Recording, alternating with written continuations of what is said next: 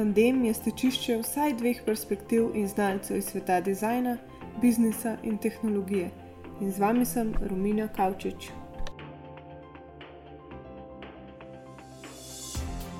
V današnji epizodi se bomo pogovarjali, kako zgradimo skupnost. En sam človek lahko s pravim vzvodom premakne cel svet. Kaj je prelomna točka in kako z ustvarjanjem skupnosti širimo znanje, zavedanje, umetnost in ideje. Eva Matjaš je družboslovna raziskovalka, ki teorijo prenaša v prakso in na podlagi praktičnih spoznanj gradi teoretske modele. Izkušnje je nabirala kot profesorica psihologije, so ustanoviteljica knjižnice reči in v Memo inštitutu, kjer se je ukvarjala s kvalitativnimi raziskavami. Zadnjih deset let intenzivno raziskuje področje alternativnih ekonomskih praks in življenjskih slogov. Danes je soustanoviteljica kreativnega centra Polygon, obenem je pobudnica inicijativ Slovenija Coworking and Crowdfunding. Zanimajo jo predvsem novi družbeni ekonomski modeli ter vsi koncepti, ki omogočajo opolnomočenje posameznika v moderni družbi. Pjera Ravnikar je na področju sodobne umetnosti in urbane kulture aktivna zadnjih 15 let. Za sabo ima številna uspešna sodelovanja z umetniki različnih profilov in kolektivnimi projekti z področji vizualnih, performativnih in medijskih umetnosti. V poskusu doseganja širših globalnih in kulturnih sprememb preko umetnosti je sodelovala s številnimi mednarodnimi organizacijami in mediji. S ponosom je bila del prve ekipe Kino Šiška, kjer je kot umetniška vodja vizualnega programa delovala skoraj deset let. Med njenimi številnimi odmevnimi projekti je gotovo tudi vzpostavitev galerije Dobra Vaga, ki je hitro postala eden bolj prepoznavnih prostorov za lokalno umetnost in dialog v Ljubljani. Pjera sodeluje tudi pri projektih kot so Ment Ljubljana, Limited Editions, Independent Platform New York City in Skalinada Air. Magistrirala je iz zgodovine na Univerzi v Londonu, EU diplomo pa je pridobila iz kulturnega menedžmenta pri Association Marcel Hictor v Bruslju. Živijo obema, mene zelo veseli, da ste se odzvali po vabilu. In sicer bi rada začela na začetku, ker imate veliko izkušenj že v vajni poti, pa me zanima, kje se je vajna pot sploh začela. Če lahko poveste malo več, pa lahko ti začneš, Eva. Jaz nisem šla nikoli uh, psihologijo študirati kot terapeut, ker to je večina ljudi, ki gre študirati psihologijo, se tako reče, da, da um, jih zanima terapija. No? Čeprav sem v bistvu postala pa terapeut za skupnosti, Evo, da sem pa do tega prišla, sem pa v bistvu imela tako eno tako zanimivo pot. Uh, deset let sem delala na polju marketinga in predvsem tržnih raziskav, in potem sem iz tega išla v v marketinške strategije in to. Um, vedno sem pa imela v bistvu nek tak umestne momente, a pa je to to ali ni to. In potem recimo tako en del tega mojega opisa, pomisleka, zakaj bi v bistvu bila vse čas v marketingu, je bilo ta moj izlet učiti v šolo. Potem je bil tudi izlet uh, študija magistrskega na socialnem delu, skozi sem imela nekaj tako, kako naj to združim. In potem, mi, ne vem, končno po enih desetih letih sem doživela razsvetljenje, da ja, sej, vsi v bistvu rabimo imeti isto metodologijo. In predvsem na nevladnem sektorju, ne, v vsem tem NGO panogah, je velikrat tako, da so ljudje v bistvu tisti, ki so gonilo neke organizacije zelo dobri vsebinci, ne znajo pa teh orodij komuniciranja tako dobro. To je pa ključno za to, da dosežejo spremembe. Tako da v bistvu tukaj sem pa pristala na koncu vseh teh mojih izletov v poligonu, ki minuto vse, kaj je na nek način stik z gospodarstvom, po drugi strani pa lahko delaš ogromno nekih takih neprofitnih projektov, ampak vsem pa dejansko nudiš pač podobno znanje. No? In to se mi zdi, da se tle počutim kar doma.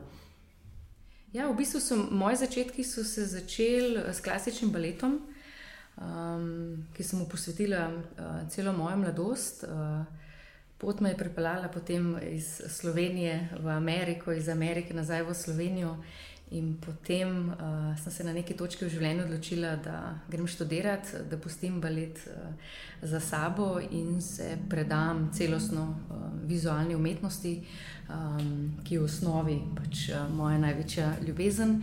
Um, tako da sem v bistvu potem v teh prvih začetkih. Uh, kulturne produkcije um, posvetila svoj čas um, festivalu mlade um, umetnosti z, uh, z področja Balkana. Um, pot me je peljala vse do Londona, kjer sem um, končala magisterij moderne zgodovine um, balkanske um, regije oziroma otomanskega imperija na Balkanu um, v sklopu pač dela in um, izobraževanj. Um, in um, sem po srečnem naključju uh, končala v prvi ekipi Centra urbane kulture Kino Šiška. Um, kjer sem skoraj deset let vodila vizualni, audiovizualni in intermedijski uh, program. Um, in kot rezultat vsega tega dela, uh, nekih povezovanj, aktivnih predstavitev, promocije in končni fazi tudi trženja uh, mlade umetnosti, um, se je zgodila galerija Dobra Vaga, um, ki je še danes pač predstavlja poligon za uh, najmlajšo generacijo uh, neke aktualne likovne produkcije. Um, Medtem, seveda, sem končala tudi uh, specializacijo v Bruslu na področju kulturnega menedžmenta. Skratka, imela sem celostno izkušnjo dela v javnem sektorju, ker mi seveda ta ljubezen um, do vizualne umetnosti in uh, mojih sanj dala miru. Sem se v bistvu na višku uh, nekega profesionalnega dela v okviru Šiške odločila, da zapustim uh, ekipo. Uh, ni bila naj, pač najlažja odločitev, seveda ne. Um, ampak sem se odločila, da pač sledim svojim sanjam in da predam svoje lepo mesto um, mlajši generaciji. In uh, to, na to sem ponosna, karkoli se bo pač zgodilo uh, z mojim prostorom, da je pač nekdo dobil uh, podobno izkušnjo, uh, bo dobil podobno izkušnjo, kot sem jo dobila jaz pred desetimi leti. Skratka, jaz pa sem na poti nekih um, novih izzivov, uh, svojo zasebno galerijo, uh, novo umetniško inicijativo, Ravnikar Gallery Space oziroma na kratko Airspace, uh, kjer poskušam um, aktivno predstavljati in tržiti. Um, um, vizualno umetnost, avtorici in avtorjev mlajše oziroma srednje generacije.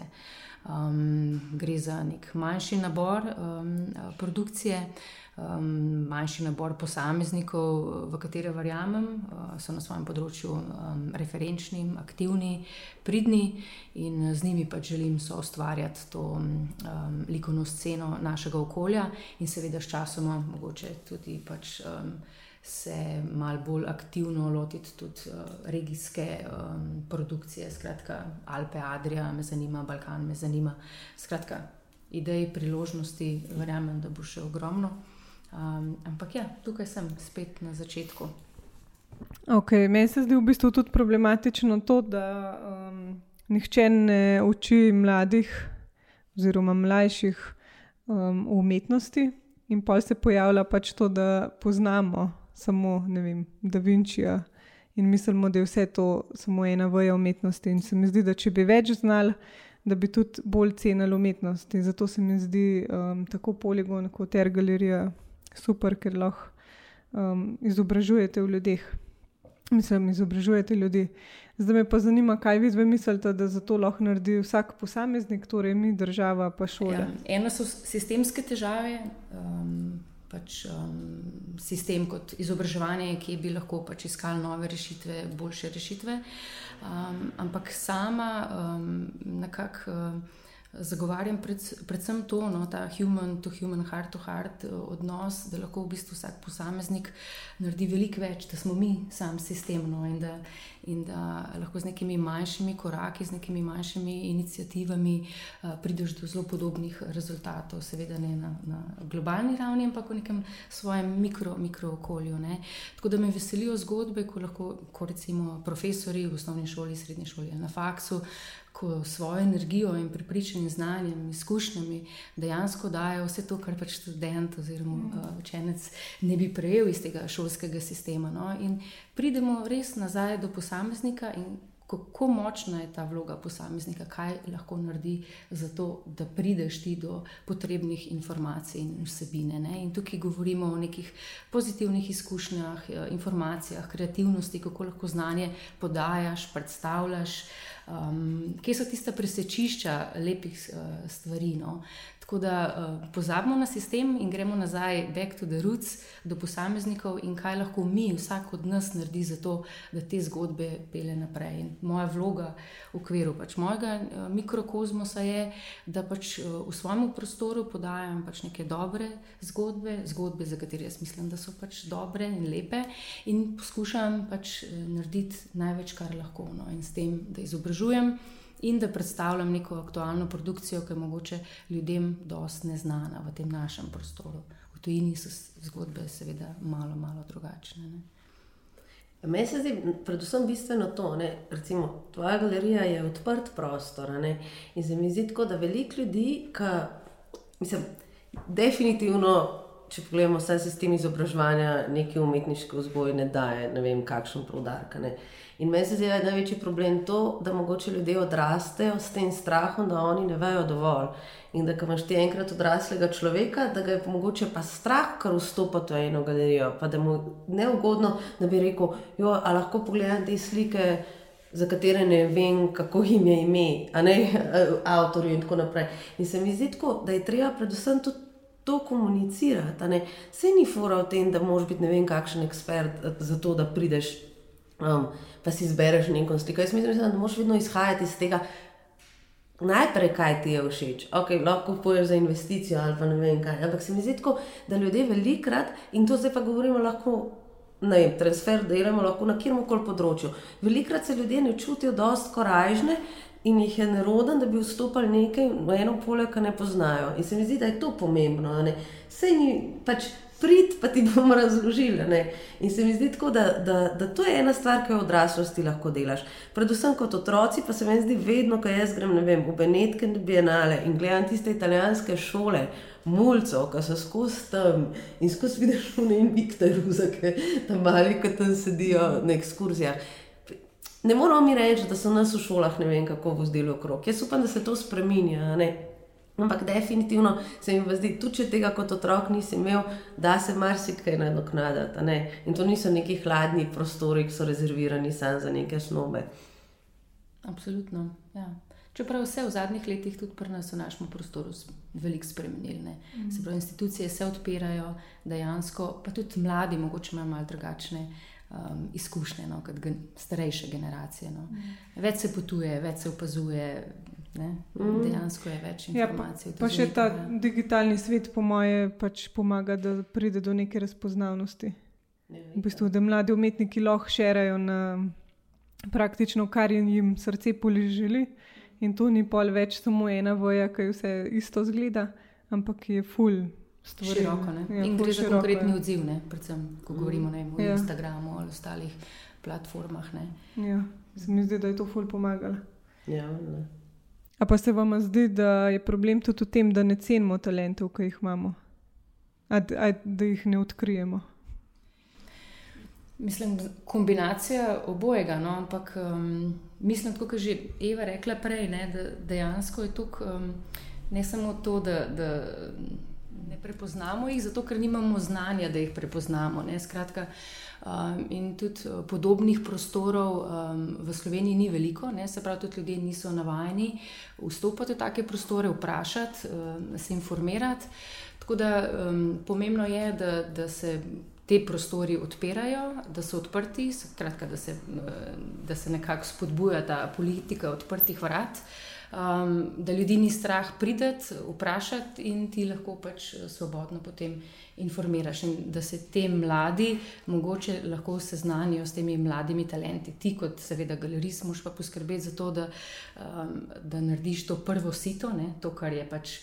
Seveda, tebi blizu, ampak kvalitetno, profesionalno, verjameš v te umetnike, umetnice, da, bo, da, bodo, pač, da, so, da so neki uh, rising star uh, našega okolja. Um, skratka, da daješ priložnosti um, splošni in zainteresirani javnosti. Sploh, ja, da daješ možnost, da, da lahko spoznajo te uh, mlade talente. Ne. Jaz mislim, da je tudi pomembna ena stvar, je, tem, da, da po mojem tudi ljudje čakajo, ne, da eden reče, da oh, ta hudo dela ali pa ne vem kaj. Jaz pa mislim, da je včasih ful dobro, da imaš koražo, pa postaviš se nekaj in rečeš, mislim, da ta ful hudo dela in da se s tem stojiš. In se mi zdi tako, da v Sloveniji se predvsem čaka, da bo ne vem kdo, ki je neka avtoriteta proglasil nekoga kot, ne vem, ta je pa full perspektiven in potem bojo vsi hodili na njegove razstave ali pa bojo vsi hodili na njegove koncerte ali pa karkoli. Mislim, da, zdi, da je ta samozavest, da si upaš reči, ne, ne, meni je vse, meni je ta.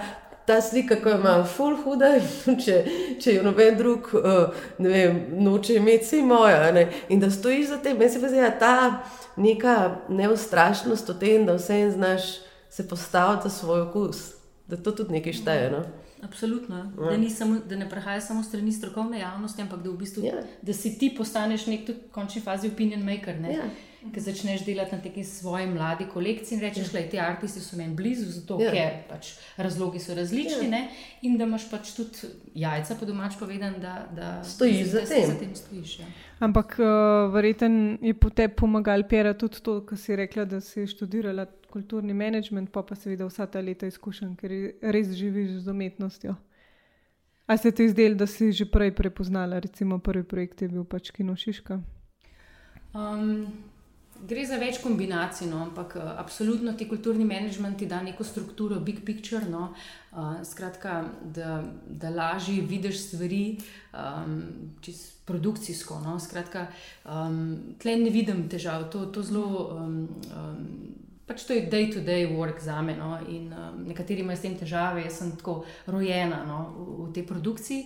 Um, bolj se mi zdi, bolj se mi zdi um, um, večji. Plus je to, da imaš, da imaš kapaciteto um, videti potencijale, mreže, -hmm. skratka, um, katere ljudi, kolektive, posameznike, ne vem, medije, skratka, javnosti uh, združiti.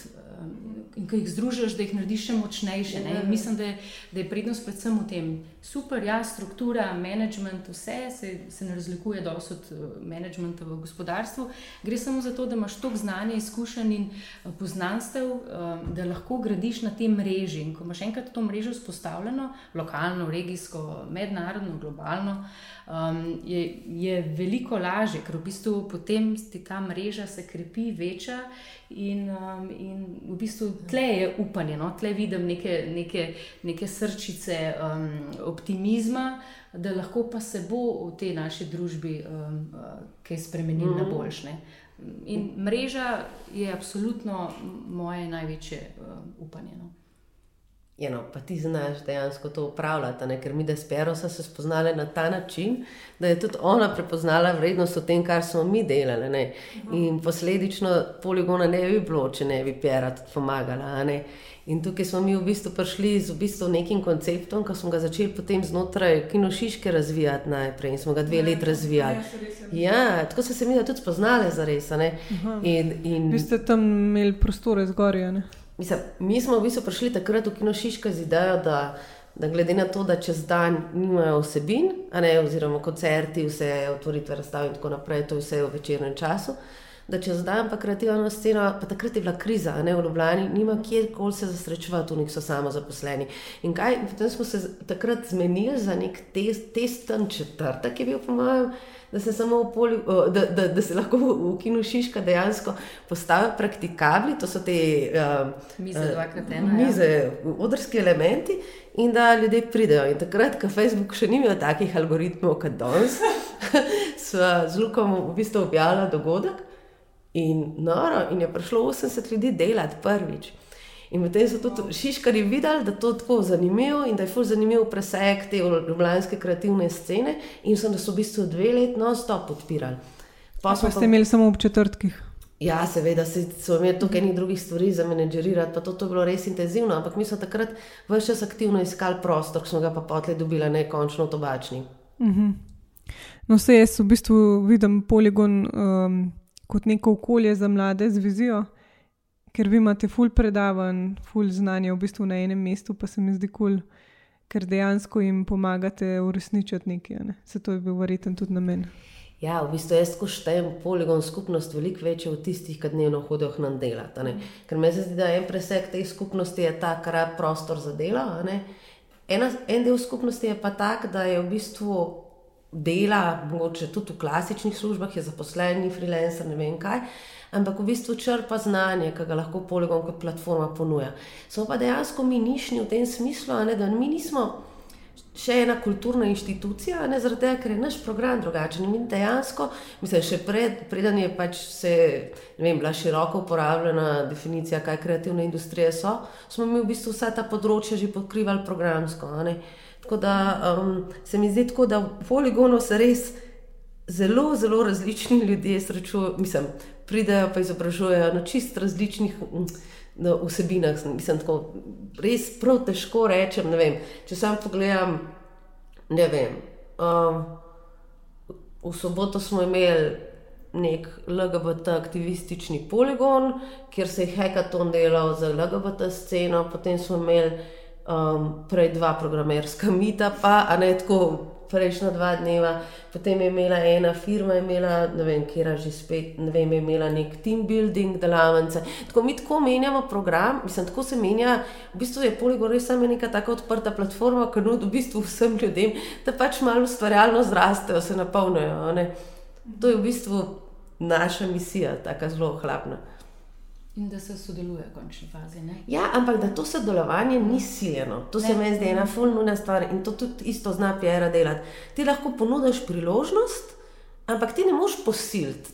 Ne, te situacije. Ti lahko daš samo nek polstrukturiran držaj, pa pa vidiš, ali ljudje to primejo, ali jim je koristno ali ne. ne. Tako da se mi zdi tako v tem smislu, pač nikoli ne veš, kam programsko te odnese. Ne. Takrat, mislim, skladno s sajtgeistom, kaj se dogaja v družbi kot taki. No.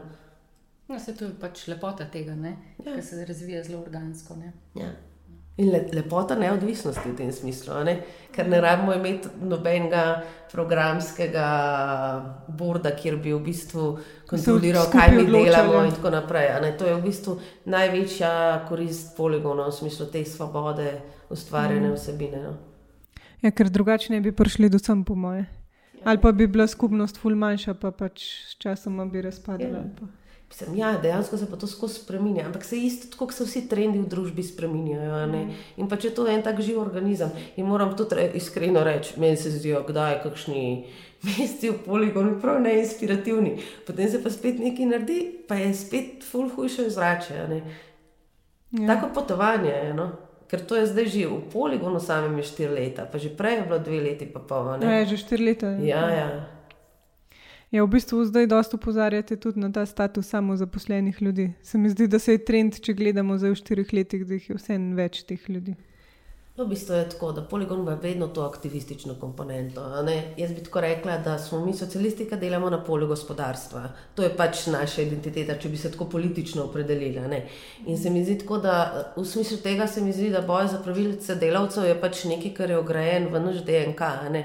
In, in potem poskušam vsako leto narediti eno vsaj vsebinsko konferenco, ki bi v bistvu vsaj nek delček nekih problemov probala um, rešiti. In ravno jutro imamo konferenco status samoobremenjenega, ki je pa namenjena bolniškim izzivom samozaposlenim, kar se mi zdi tako, da leta 2018 enostavno ne more sprejeti več tega nelogičnega argumenta, da delodajalec pač plača zaposlenemu do enega meseca bolniške in da pač ne bi si zaradi tega samo zaposlen kriv sam, ker vsi vemo, da je pač to praktično nemogoče. Tako da je en del konference zelo sistemski, ampak drug del konference se pa osredotoča na sodobne poklicne bolezni, ki seveda niso klasificirane kot poklicne bolezni. Ampak se mi zdi, da so zelo pereč problem in tukaj je izgorelost, nespečnost, pa digitalne odvisnosti. Tudi da smo naredili en tak miks, nekaj je tak sistemski, nekaj pa tako v bistvu za posameznika, da tako nekaj odnese koristnega z domov. Gre spat, da ne bo izgorel. da ne izgori. Ja. Meditirati. ja, tudi to je zelo pomembno. Um, zdaj pa, če se vrnemo spet malo na umetnost, me zanima. Um, Galerija je zdaj zaenkrat, pač Airspace je zelo vizualna, oziroma pač pridemo v prostor in dobimo neko svojo izkušnjo, in tako je vedno subjektivno. Pa me zanima, ali mislite, da bo umetnost ostala pač v taki obliki ali gre zdaj v neko virtualno resničnost, oziroma kaj sploh namen, mogoče AirSpace, da se poveže tudi audio, video, ne vem, karkoli. Ja, jaz, ker ostajam pri tej svoji romantični, um, um, aktualni likovni produkciji, um, imam pač en um, močno ljubezen do risbe, do slike, do ilustracije, do grafike. Uh, sem pa pripričana, da se bo pač umetnost, seveda, skupaj z novimi tehnologijami, novimi mediji razvijala um, usporedno s tem. Um, ampak, um, ko sem pač odpirala ta prostor, um, Airspace. Uh, sem točno vedela, da želim pač zelo nišno nastopiti, uh, zelo nišno predstavljati uh, um, manjši nabor avtorjev, ki, ki seveda pač uporabljajo, ki nekako ustvarjajo bolj v analognem um, um, duhu. No. Uh mhm. -huh. Meni se, men se tudi zdi super, ker imaš um, povezavo tudi s Krkom, uh -huh. ker si odprl svoj prostor, kjer umetniki pridejo. Pa če poveš lahko več o tem projektu. Ja, to sem v bistvu gre za Skalinado, Artis in Residence, um, ki sem jo zasnovala lansko leto poleti. Um, zdaj, um, ko sem neodvisna in na svojem, in um, nekako um, oblikujem to uh, svojo novo zgodbo, uh, seveda ta dva projekta se lepo dopolnjujeta, upam, da bo tako tudi naprej. Um, skratka, gre za projekt. Um, Na Krku imam eno manjšo hišo in želela sem si narediti, uh, zgraditi neko inicijativo, ki bo brez nekih večjih finančnih vložkov živela sama zase. Skratka, vzpostaviti nek živi organizem, um, ko jaz lahko dam hišo um, umetniku, izbranemu umetniku, seveda, umetnik pa lahko brezplačno biva. Skratka, tukaj ni nobene finančne transakcije, gre pa za um, pač dva lepa namena, kako lahko jaz um, pač odprem nek prostor in to odprtost nekdo tudi sprejme. Edino pravilo te zgodbe je, seveda, da, da se hiša po enem mesecu, recimo, ko umetnik, umetnica biva, um, da se odpre za lokalno javnost. Zakaj? Zato, ker mi je pač, glede na to, da je ta hiša v zelo nek, um, manjšem kraju, dokaj tradicionalnem, uh, mi je bil izziv, oziroma mi je izziv, da se, da se komunicira sodobno produkcijo tudi z um, pač, um, nekimi, um, neko skupnostjo, ki pač produkcija, sodobna produkcija ni najbolj blizu. Mm. Uh, tako da gre za nek, nek mali aktivizem znotraj ene male, mm. male vasice, uh, gre za to, da se umetniku da uh, nek um, prostor dopusta, počivanja. Um, odmora. Um, jaz pa pač, eh, seveda, produkcijsko in kuratorsko nastopam s tem, da, da, da poskušam uh, iz hiše in umetniških um, produktov na koncu zgraditi neko zgodbo, ki bo za javnost pač vredna neke predstavitve. Ja, pa pa je zanimivo, kako v takem okolju nastajajo ful dobre stvari. Ne? Ja, Ker vsakemu drugače, po mojem, domišljijo začne delati. Ja, pa ne gre za nek klasični galerijski prostor, oziroma predstavitveni, gre za hišo, um, kamen, bele stene, um, neko bivalno okolje. In vsak umetnik uh, pride um, v hišo z neko svojo zgodbo, uh, kjer biva, živi, deluje uh, in seveda to pač na koncu tudi predstavlja in to, to, to se čuti. Mm. Um, skratka, nimam še izkušenj. Um, Um, v bistvu bo zanimivo pogledati to čez pet let, zdaj gre za res manjši nabor umetnikov, um, ampak um, bo zanimivo to mogoče predstaviti v okviru EPK, Evropske prestolnice kulture leta 2020, ko bo mogoče skupaj ne vem, uh, nek nabor desetih uh, posameznikov, posameznic um, in um, neke produkcije. No. Pogledati nazaj, arhivirati. Mm. Na podobno. Um... Je pa tudi, imaš v bistvu zdaj že serijo teh limitless, limitless edition. Limited edition. Limited edition, ja. Limited ja. edition je v bistvu um, serija prodanih razstav grafične ustvarjalnosti, um, Air Edition, um, ki se dogaja v, v galeriji enkrat mesečno.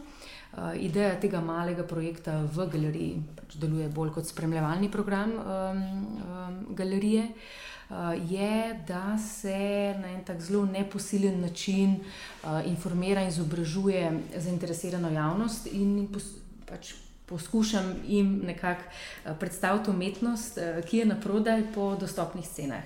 Skratka, enkrat na mesec izberemo umetnico oziroma umetnika.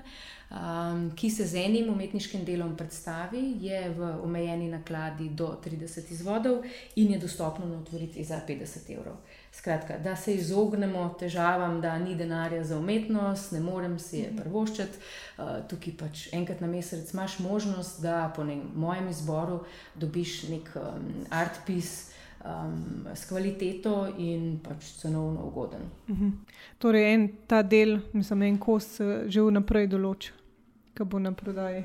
Uh, izbere se umetnik, potem pa umetnik prav za, prav za ta dogodek um, oblikuje oziroma ustvari umetniško delo, ki pa se ga potem v neki grafični tehniki um, um, natisne oziroma naredi uh -huh. um, maksimum izvodov, je pa 30. To pomeni, da jih je mojena naklada do 30 izvodov, 30, uh -huh. do 30 jih obstaja, ti jih lahko dobiš pač na otvoritvenem uh, dogodku po ceni 50 evrov. Uh, s tem nekako uh, poskušam tekmovati, sprinti uh, iz Ikeje, Rutarjev in ostalih pač podobnih inicijativ. Ker um, imajo lej, po milijone izvodov. Točno to, nima neke, neke vrednosti, ja, je mogoče deli Picasso, unlimited, ampak, unlimited, ampak um, se mi zdi, da, da je bolj pomembno, da si v teh svojih naborih, tudi če gre za neko dostopno umetnost, da si tudi tukaj pač originalen ne, in da gre za neko manjšo ekskluzivo. Mm. Pa tukaj se tudi to pol odpira, da z nakupom teh del podpremo umetnika, plus da seveda investiramo v neko svojo mini galerijo in pač imamo na vse zadnje čez par let bogatstvo, ampak predvsem seveda tudi to, da se v tem prostoru dobro počutimo. Medtem ko če kupam jaz nekaj tam samo zato, ker je 2 evra, pač ni, ne ustvarja prostora, kjer sem jaz doma. Ne? Ja, ponovadi gre s temi, um, s temi reprodukcijami, niti ne podpreš direktno avtorja, ki so v večini, večina je že pač žal pokojnih. Ne? Skratka, se ta denar samo, samo krepi in veli, veli v napačno smer. S to edicijo pa pač želim, da ja, pač konkretno, aktivno podpri že večjega avtorja, avtorja, ki trenutno potrebuje pomoč. Ne. To je v slovenskem prostoru velik problem. Ne. Imamo izjemno produkcijo, izjemne mlade avtorje, ki pač dejansko ne morejo živeti od pač dela. Skratka, Študirali so, akademija naša je težka, ja, dobra, ampak kaj jim pomaga, če, če na koncu ne morejo delati to, kar si pač želijo. In s tem, mm. ko podpreš ne samo e-edition in edicije in omejeni nakladi, v končni fazi tudi originale, a, mogoče tudi malo višji cenovni razred, ja, aktivno podpreš in umetnika, in seveda a, mene kot galeristko, ki se trudi spremeniti nekaj na, na tem področju gre za zelo močen korak neke odgovornosti, korak v pravo smer. No. Mm. Da, da, da, da uh, je lepo slišati, no, ko ljudje dobijo ta uh, uh, feedback tudi uh, iz moje strani, uh, da, da se stvari premikajo v pravo smer. Ja, pa tako kot ste že prej rekli, v bistvu um, s tem vsak od nas vpliva na neko mikrookolje in se to pol širi. Seveda, pa meni se tudi tako zdi, nekaj prej, ki si rekla. Ne? Jaz razumem perino fascinacijo za analognim, ne? ker jaz mislim, da, analog, mislim to, da je nekaj analognega, da ima to prihodnost. Ne? Definitivno to analognost je v neki dimenziji, bo vedno obstajalo in je v bistvu potrebno. Ne? Jaz tako gledam, ker smo vedno takrat, ko smo mi delali poligon, pa so bile to kone debate o virtualnem delu, pa da sploh ne boš rabo ničesar več. Meni se to zdi zelo podobno. Ej, bodimo iskreni, na koncu rabiš imeti fizični prostor, stike z ljudmi, fule dobro, recimo, ne vem. Srečati na ulici nekoga, ki si kupil njegov artwork. Mislim, da so vse te osebne stvari ful važne. Ne vem, kaj se zgodi, zdaj smo imeli neko debato, da ja, še malo pa bo vse tako uh, uh, avtomatiziran v trgovini, da sploh ne boš rabo imeti čist nikogar več v trgovini. Ampak ne, ej, takrat bom jaz odprla, po mojem, eno klasično televizijo, ja, točno to, kjer bom ta delo rezala. Res, ker se mi zdi tako, ne mi reči, eni ljudje v bistvu rabijo imeti ta stik. In jaz mislim, da jih to sploh ni tako malo. In se mi zdi tako, da primeš nekaj, da pogledaš, kako visi v prostoru. Vem, da, tako, ja. da delaš z drugimi. Ne, tako, mm -hmm. Veš, da ne moramo tega samo v nek virtualni prostor. Um, prenesti. Pa čeprav vsi mi v bistvu tudi delno delamo bolj zaradi tega, ker vsa ta virtualna platforma obstaja. No? Ja, na nek način ja, pač se, se pa še umakniti, ampak ja. v bistvu uporabimo stike oziroma tudi to deljenje izkušenj. Recimo, če jaz pridem v poligon, se lahko tam pogovarjam, pa eno stvar rešim v parih minutah, medtem ko bi doma ne vem, cel dan zabila, pa se v eno negativno spiralo zavila. No, predvsem, res po mojem, mož to jaz, ko gledam, ločvati ene stvari in definitivno ločati delo in dom. Se mi zdi, da, ja, da, da tako na dolgi rok. Mislim, vse je to spet odvisen, kakšen tip si. Ampak jaz mislim, da veliko ljudem ta v bistvu potuha, kot kar zgleda. Super je, da imaš svobodo, da ostaneš doma, pa da ti ni treba iti vsak dan v službo. Pa da tudi lahko pospiš ali pa ne vem kaj. Ampak je pa po mojem, da je izjemnega pomena, da vse malo deliš ta, te prostore, pa da si zamejuješ. Ker se mi zdi že s tem, kar na telefonu maile gledamo, da že malo, a ne. Uh, v bistvu spet ta prostor, v bistvu, kjer bi moglo delo vstati, vlečemo nazaj v neke druge kontekste, pa ni vedno dobro, se vsi vemo, ko nas mhm. kakšen mail lahko na kavi s frendom pote znervira. Mm -hmm. Ja, stalno si povezan in v bistvu pa nimaš niti tega časa, da se resetiraš. Ne? In pol to živčnost vlečeš naprej. A ni to dobro, da pa prej malo pogledaš na najljubšo sliko, ki si jo kupil, da sediš in gledaš to in čiviraš in nimaš več nobenih flešov. Ne, ne se, to sem tudi hotel reči, da v bistvu z dobrimi slikami, ki imajo neko zgodbo, lahko vsako podjetje tudi pove njihov statement. Ne. Pač se zauzamejo. Ni, ker večina teh pisarn je tako, pač bodimo iskreni, dosti dolgočasnih. Ne. Nimajo neke umetnosti, oziroma večinoma so neke bele stene. Ali pa zopet gre za neke printe in neke reprodukcije. Ne? Bi bilo zanimivo, recimo, da bi podjetja investirala oziroma supportala uh, commission work, veš, ja, galerista ali artista, da narediš nekaj po naročilu, pa bi rekel, ne vem, petrol, primer, ja. bi želeli to in to in to. No? In, um, Aj, da bi že oni kar naročili. Uh, absolutno. Mislim, A pa ne, to je praksa v tujini. Mislim. Ne, pa komišljen v smislu, da imamo veliko pisarno, potrebovali bi nek Aha, velik tako. pis. Zaupamo vem, galeriji, da bo izbrala najboljšega avtorja, ja, uh, rabimo ne vem, ali pa triptih, vse ni važno, zdaj si izmišljujem. Ja, ali pa ja. mora, točno to. Ne? Skratka, da bi šlo, pa, da bi šlo v prvi vrsti za zaupanje ne? do, do galerije, do, do umetnika, ne? da karkoli boste naredili, it's ok. Ne? Ja, ja, ja. Ne? Da pač ne, so neke. neke um, osnovne uh, smernice, seveda, ne, da gre, ne gre za original, večji format in tako, ampak to bi bilo zanimivo, ne, da bi se naša podjetja, da bi se upala. Uh, zaupati. Ja.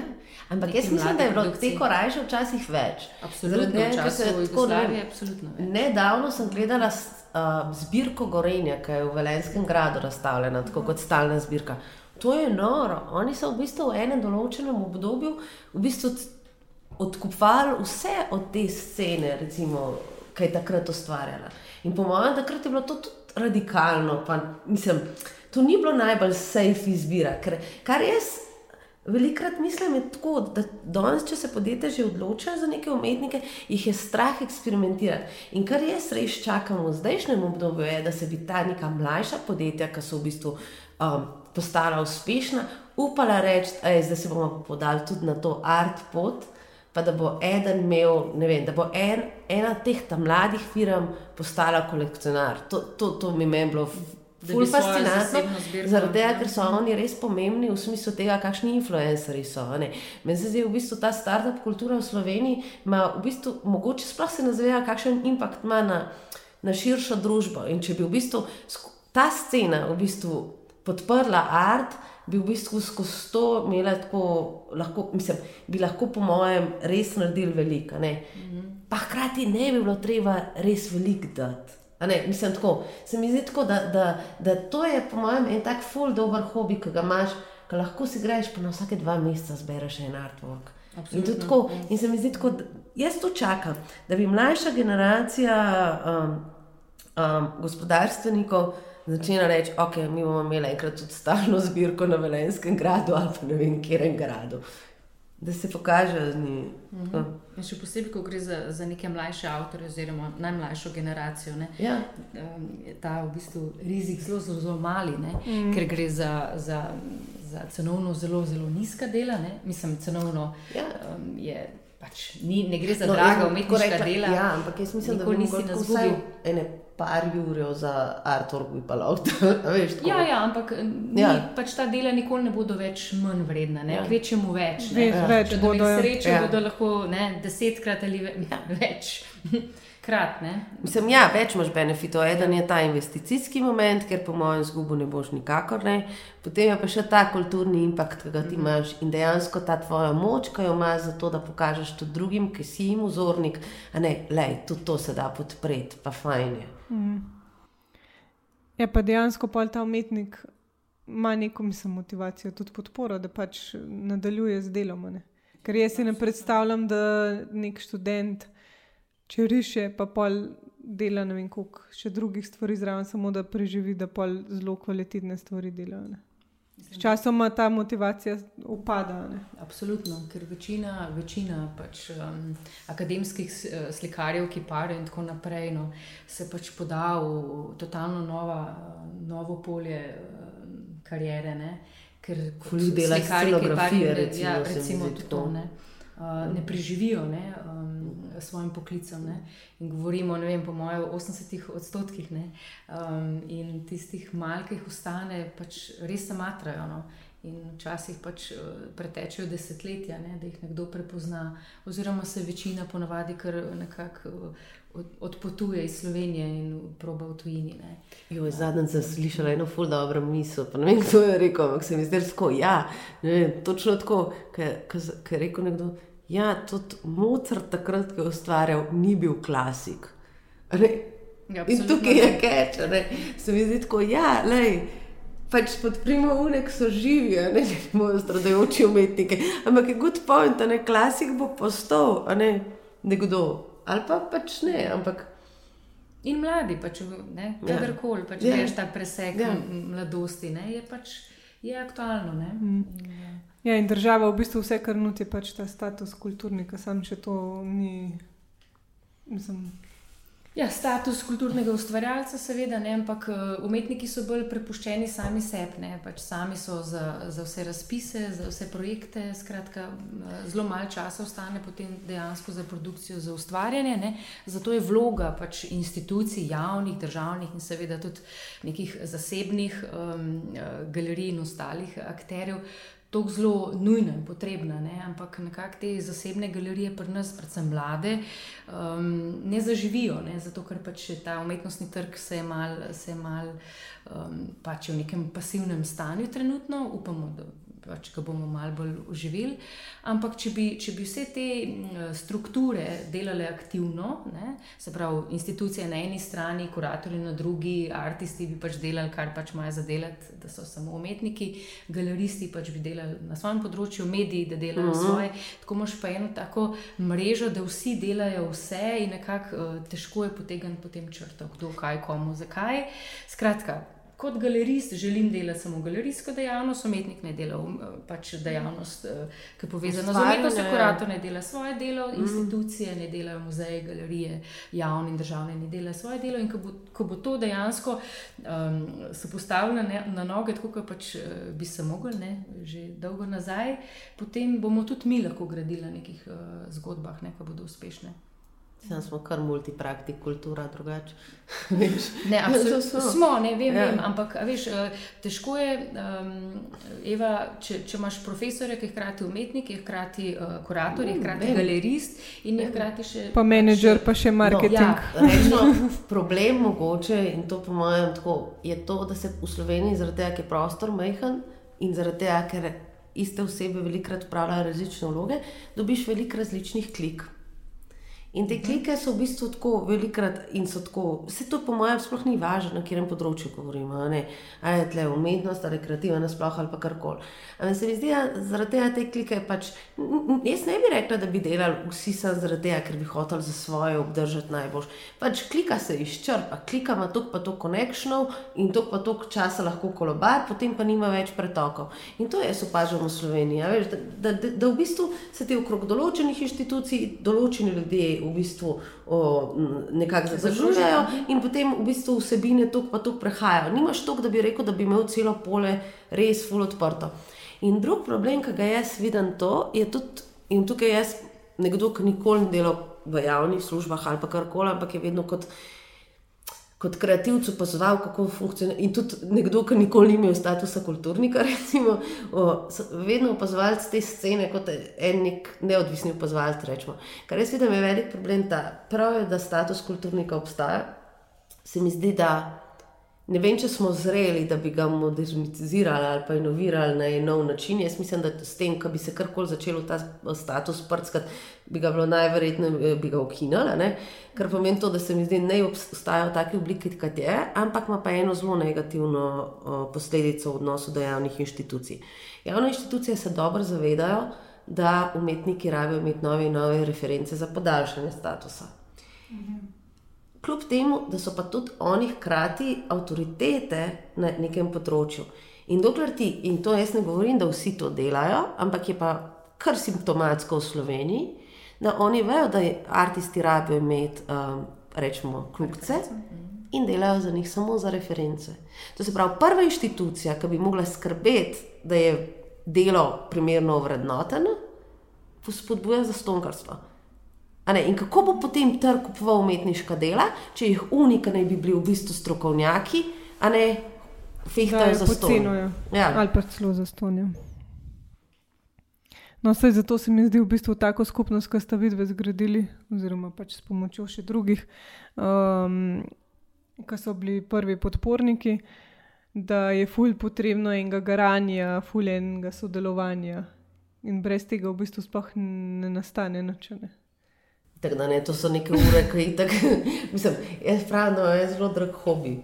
Ampak se mi zdi vredno na nek način, po drugi strani se mi pa zdi to tako, da mi pa vedno lahko, včasih teči smine in sploh če to dela že ne vem.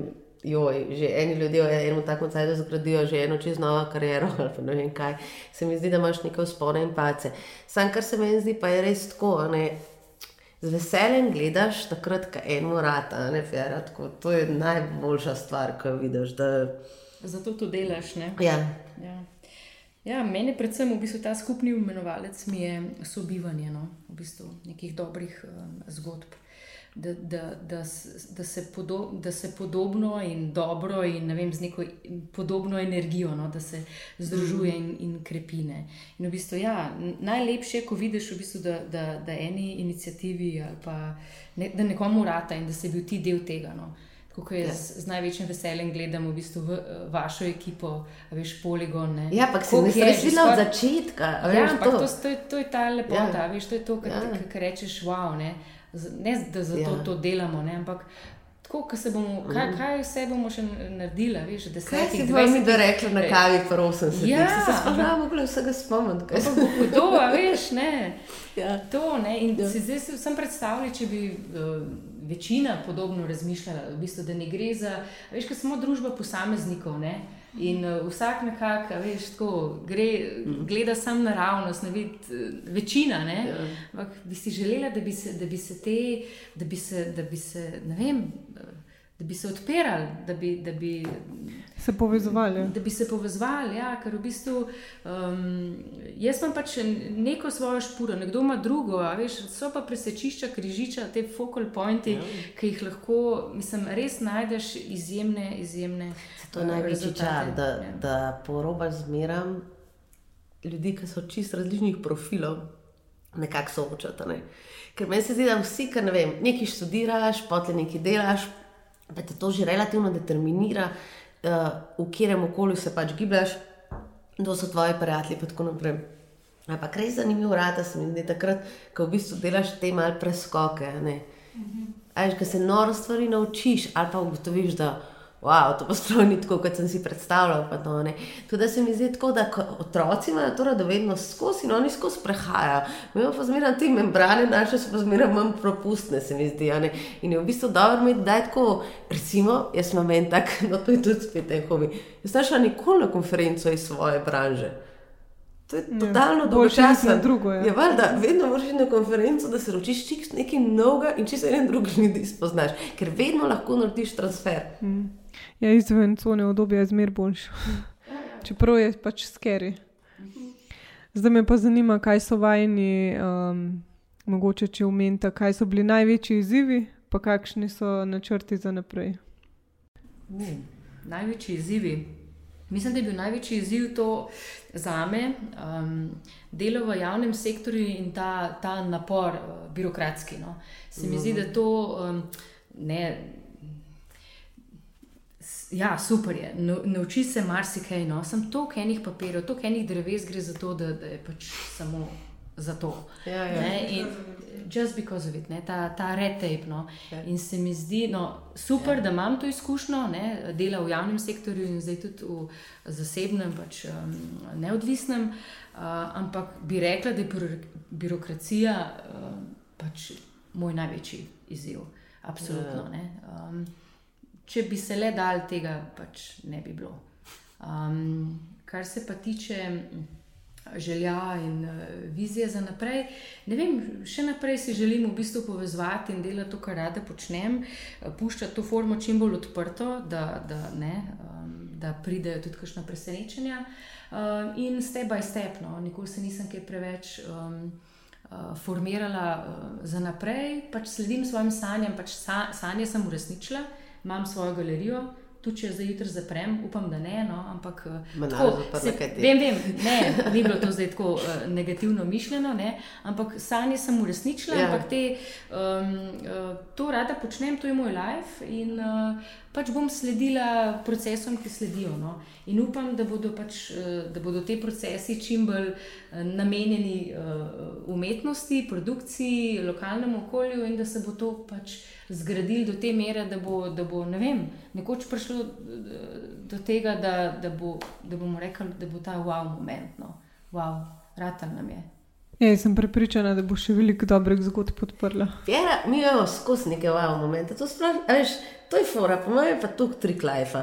Da v bistvu z vsako zanimivo otvoritvijo, kjer v bistvu pride folk in reče tako, o, to je noro, to je wow moment. Ne? In jaz sem se jih veliko teh malih wow, wow, wow, no. Ampak tako, vse veš, kaj ja.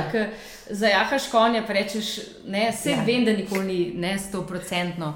Ampak zdaj sem jaz le v tej tranziciji. Ne, jaz, uh, ne, ne dolgo nazaj sem šla iz eh, javnega v privatno.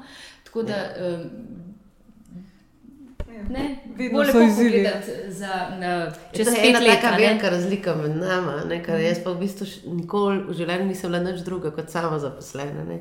Aha, Tako da sem bila zaposlena. Ne, ne, ne. Kaj pa, ko si bila učiteljica?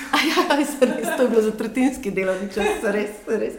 To je bil dober eksperiment, to je bilo v bistvu fora. Drugače se je začel kot fora in končal kot lepa dvoletna izkušnja, ker sem šla z eno svojo prijateljico na kavo, potem sem vzela diplom in sem rekla, jaz rabim službo in sem šla pogledat. In sem jaz razpisala službo za trdinski delovni čas na gimnaziji Jesenice, na kar so bile pač mi, da, mi da se nazdravljale tam in so napisali to prošlo, oddala in sem imela čez 3-4 dni službo. In potem so to službo učiteljice psihologije redno, vestno upravljala dve leti, um, po šest ur na teden. Ampak to je bilo v bistvu še vedno, ni bila sto procentna zaposlitev, no? ampak je pa bila, to je res. In, in super izkušnja, svoje dijake srečujem, ker so bili šest let mlajši od mene, zdaj pa vsota, ker so pač. Ja, tako so bile čist mlade. Ker so njihove razvojne naloge čist iste kot moje, zdaj že pač so zaposleni, odrasli ljudje. In predvsem se mi zdi to, no, da sem skozi to se jaz naučila eno stvar. Jaz ne bi delala blazne reforme šole, samo dve stvari bi naredila. Ena stvar je to, da bi zmanjšala razrede, tako recimo za tretjino ali pa 40%, ker sem ugotovila, da ni to v bistvu vprašanje teh učnih načrtov, kot je vprašanje, s koliko ti otroci delaš. In takrat, ko delaš z manjšimi skupinami, in to pa govorimo o tem, rečemo, da jih je tako maks, bi lahko biti ne 18, kaj tacka, po mojem, da bi bilo super. Se ful hitreje učijo, ti si veliko bolj v stiku, kaj oni tako um, rabijo, in, in hitreje greš naprej. Drugo reformo, ki bi jo pa naredila, je pa ta, da bi tretjino delovnih mest na vsaki šoli dala učiteljem pripravnikom, ki bi se po dveh letih sprostila. To pa samo zato, da imajo otroci skozi stik z uno svežo energijo, nekoga, kar ni na veličem svojega delovnega mesta ali pa ne vem kaj. Ne. Pride direkt iz faksa in je tako, wow, zdaj bo pa to moja prva služba. In jaz mislim, da bi te dve stvari, mm. po mojem, lahko spremenili. Ful eni tako koristnih stvari za otroke. Ja, pa tudi nova energija za vse te učitelje, ne, ne samo za učence. to, to so oboje, ja, za oboje. Ja, situacija. Ja, ja. Mm. Nekdo dobi ja. pa še ranje nekih novih metod. Jaz vsakmu priporočam, da gre v šolo učiti. Res. To je ful, ful lepa izkušnja. Čeprav me še vedno ni Ja, če bi Pjera šla v šolo učiti, bi jih najprej kap zadela. Jaz sem učila pet let klasični balet in um, gre za zelo, zelo uh, podobne izkušnje. ne. A Veš, Ja, zdaj bi mogla jih kaj umetnosti podučiti.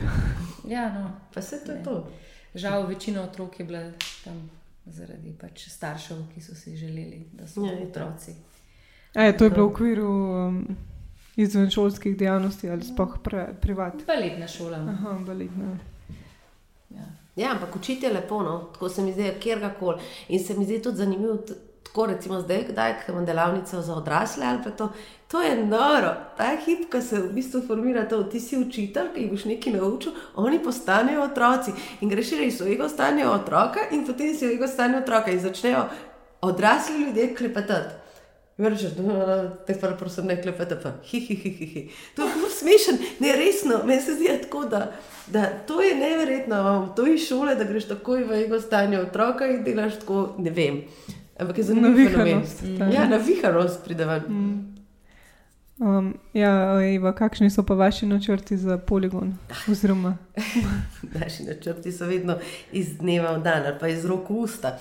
Um, in to smo se, v bistvu, ja, iz rok v usta, ker to smo se v štirih letih naučili, da je planiranje dolgoročno in tako brezvezno, ker tudi Ljubljansko sodišče, ki je v bistvu nadaja odločbo, zaradi tega, ker tobačno je vse en, um, v stečaju, ne, naše, naše eh, pogodbe so vedno polletne. aha, celo na pol leta, niti za eno leto. Ne. Ja, tako da ma, ne samo to, da se ukvarjamo s prekarci, mi smo v prekarnem najemniškem razmerju.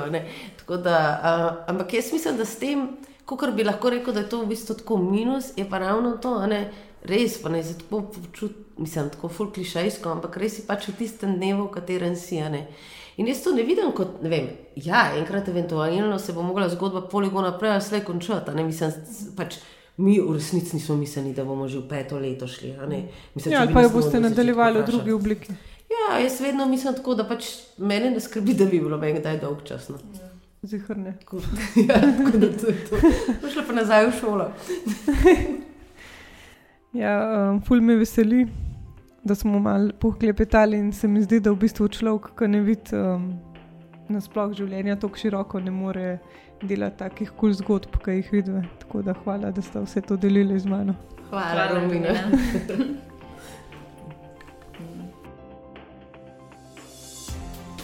Tandem lahko spremljate na Twitterju, Instagramu in Facebooku pod Poslušaj Tandem. Vaša mnenja in predloge pošljite na hajafna poslušaj tandem.si. Adijo, se slišimo čez 14 dni.